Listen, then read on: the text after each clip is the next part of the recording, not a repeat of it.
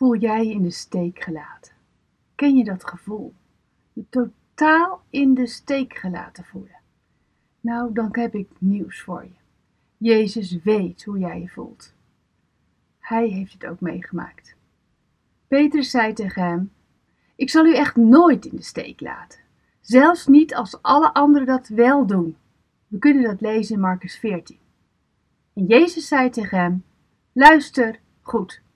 Ik zeg je, voordat de haan twee keer kraait, zul jij vannacht drie keer zeggen dat je mij niet kent. Maar Petrus zei steeds heftiger: Ik zal nooit zeggen dat ik u niet ken. Zelf niet, zelfs niet, als ze mij samen met u zouden doden. En de anderen zeiden hetzelfde. Wat zou jij zeggen? Wat zou jij zeggen? Een dilemma waar je je eeuwig schuldig over kunt voelen, maar juist voor dit dilemma ging Jezus op weg naar het kruis. Hij wist dat uitsluitend zijn dood ons leven zou brengen. Het wegnemen van alle zonde ons vrijspraak zou geven. En Jezus voelde zich in de steek gelaten.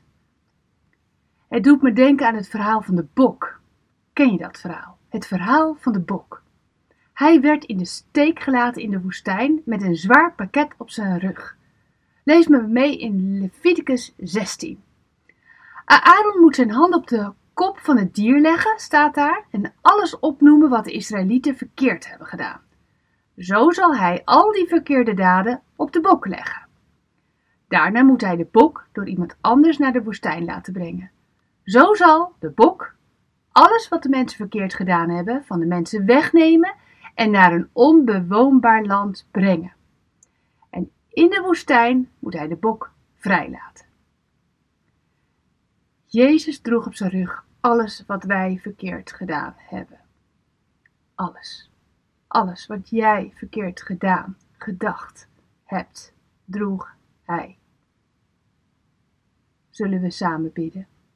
Heer, u weet hoe het voelt om in de steek gelaten te worden.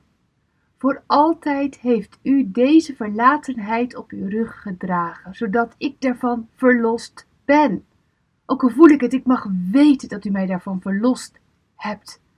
Help mij om die waarheid te voelen, te zien en te beleven in mijn leven. Ik word door u nooit in de steek gelaten.